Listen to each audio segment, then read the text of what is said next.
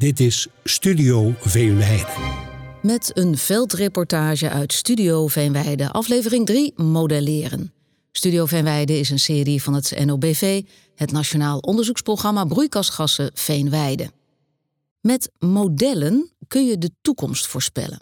Modellen geven je een inzicht in wat er met de bodemdaling en de uitstoot van broeikasgassen onder verschillende omstandigheden gaat gebeuren. En er worden verschillende modellen ontwikkeld. Bodemkundige Co van Huisteden werkt al jaren aan het Peatland VU-model. De gegevens die hij nodig heeft om zijn model te voeden, haalt hij onder andere uit de diverse meetlocaties van het NOBV. En hij neemt ons nu mee naar Ankeveen, waar we via verschillende smalle plankjes en lage terpjes een meetkast met methaanfluxkamers bereiken. Even openmaken.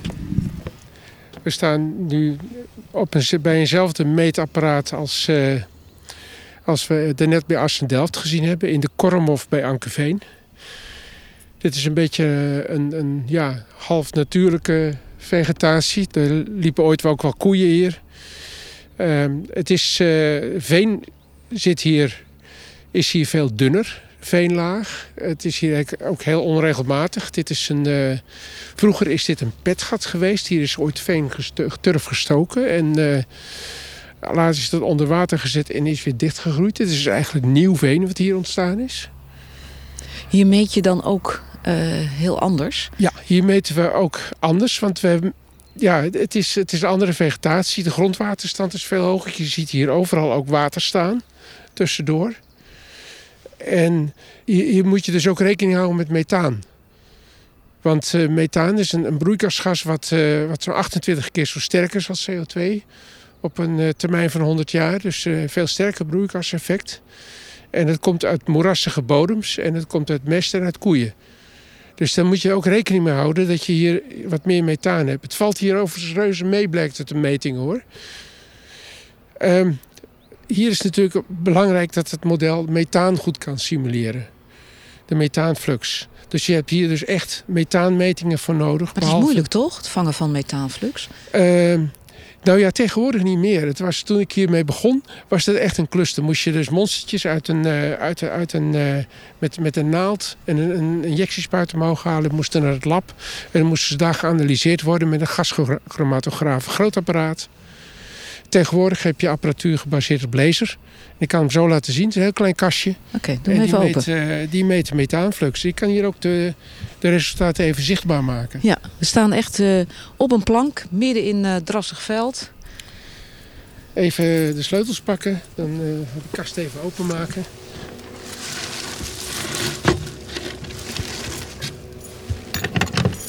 Kijken of ik een goede sleutel heb hoor. Is altijd de laatste. Het is altijd de laatste, ja. Dat zul je altijd net zien. Maar dan gaat de kamer dicht.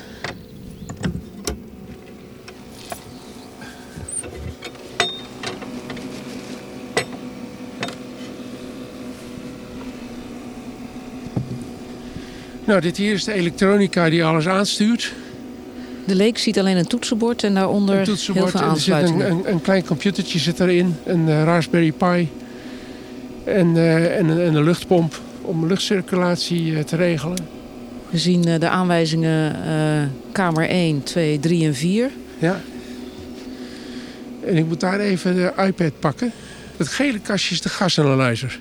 Die analyseert dus CO2 en methaan en dat doet hij één keer per seconde. Dat is een enorme prestatie. Dat, dat, dat konden we gewoon twintig jaar geleden niet. Je doet even de iPad aan. Ja. Hoe, voorspelbaar uh, zijn eigenlijk nu al de metingen? Of, of kom je nog veel onzekerheden tegen? Um, nou, ik had, ik had verwacht op basis van eerdere ervaring... van nou, hier komt best wel veel methaan uit. Maar dat valt, dat valt eigenlijk wel mee. Je ziet het, het concentratieverschil. Het zit in de orde van 10 ppm. En kun je daarmee dan ook weer het model aanscherpen? Jazeker, ja.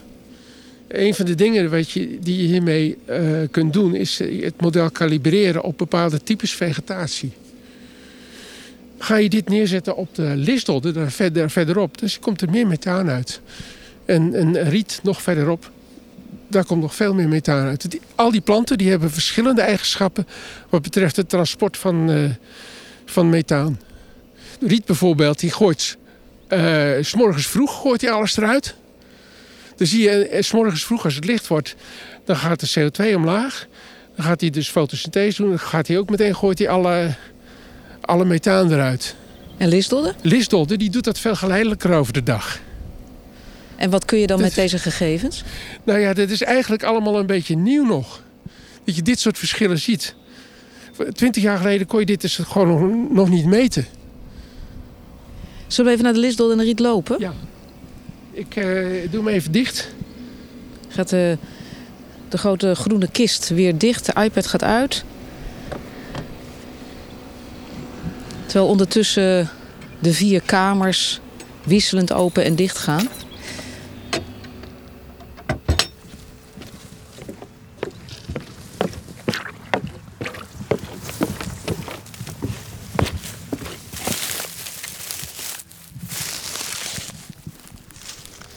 Ja, hier staan de rietstengels. Je ziet dat hier ook listel ertussen staat. Die, gaat ook, eh, die houdt van dezelfde omstandigheden. En die is, eh, ja, die is een beetje opdringerig. Maar er staat hier ook heel veel riet. Het begint nu pas een beetje te komen. Listel gaat veel harder. En eh, je ziet dat die riet, begint nu pas een beetje dezelfde, op de, de helft van de lengte te komen van die listdodden. Maar hij gaat hem op een gegeven moment gaat hij er wel bovenuit. Ja, het is nu begin mei. Het is nu begin mei, inderdaad. Dus dat gaat toch niet zo hard. Wat is belangrijk voor jou, voor jouw model? Ehm, dat dit, dit soort verschillen tussen hoe snel die planten groeien en hoe snel ze reageren op de temperatuur, dat is ook heel belangrijk voor het model. Want dat betekent ook dat je op een ander moment die, die methaanemissie op gang komt. Die, die, die listdodde is nu al volop, die staat hier nou volop al aan methaan uit de grond te puffen. Terwijl dat riet, dat begint nog maar net. Als je een hoog, eh, volle groeiseizoen zit, dan staat het riet behoorlijk hoog ook weer. En dan zie je dus dat er, althans op deze locatie, komt er veel meer methaan uit het riet dan uit de listdodde. Ja, dit, is, dit is wel leuk. Je ziet dus methaan zie je als bellen omhoog komen. En dat maakt het meten ook zo lastig. Waarom? Die, dit soort verstoring, doordat je hier loopt, dat moet je zien te voorkomen. Want anders meet je veel te veel methaan. Overigens zit dat transport via bellen ook weer in het model. Want dat gebeurt ook en dat zie je ook in de metingen. Af en toe zie je ineens, het, huppakee, methaan gaat schiet omhoog ineens en dan is er een belletje uitgekomen. Ja, die belletjes is allemaal methaan.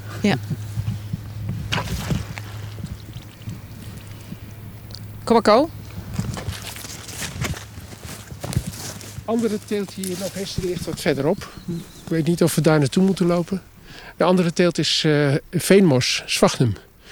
Het leuke van veenmos is, is dat het eh, symbiose heeft met eh methaan-etende bacteriën, methanotrofe bacteriën, die methaan omzetten in CO2 en dat wordt dan weer direct opgenomen door de plant. Dus uit, uit een veenmosvegetatie komt vaak heel weinig methaan. Dat zie je ook in de metingen. Dat zie je ook in de metingen. Dat zie je heel goed. Ja. En hoe voedselarmer eh, de, de bodem is, ook hoe minder methaan vaak.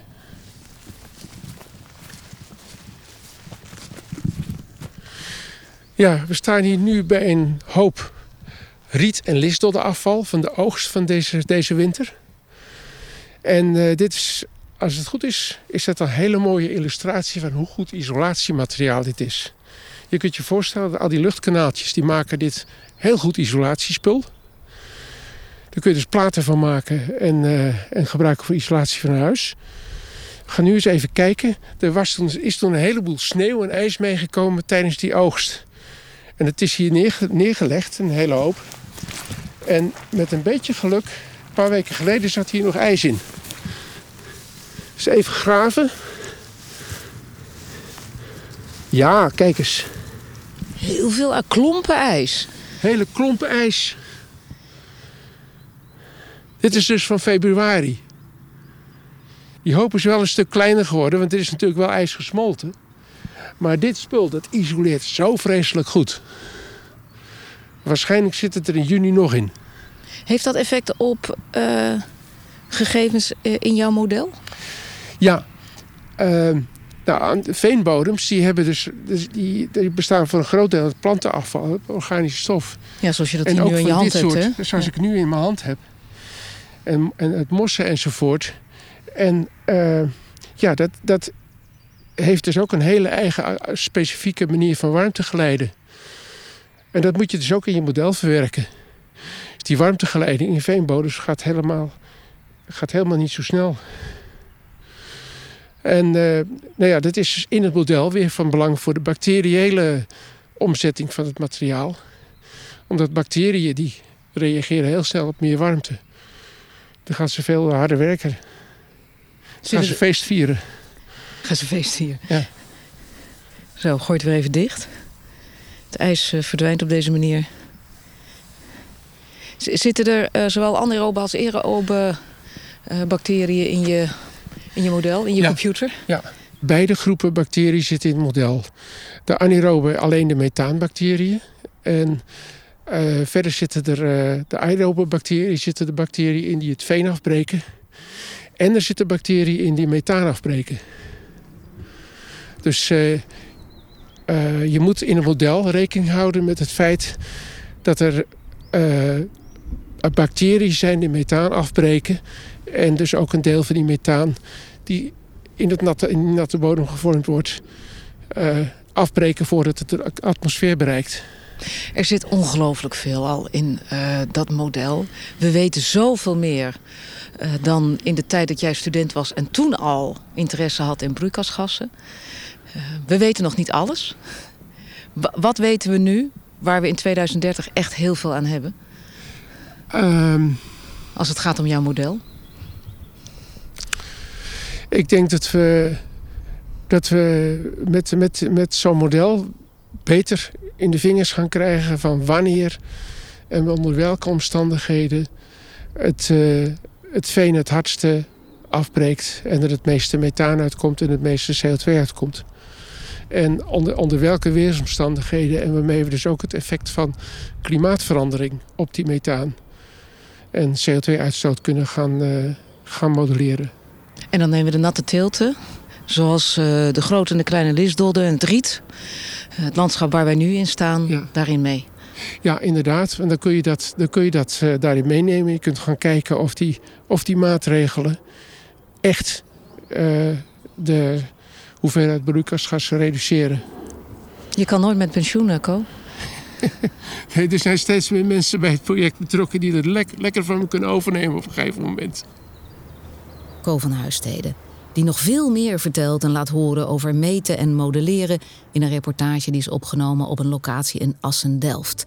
En ook deze reportage is te vinden op de site van het NOBV en de diverse podcastplatforms.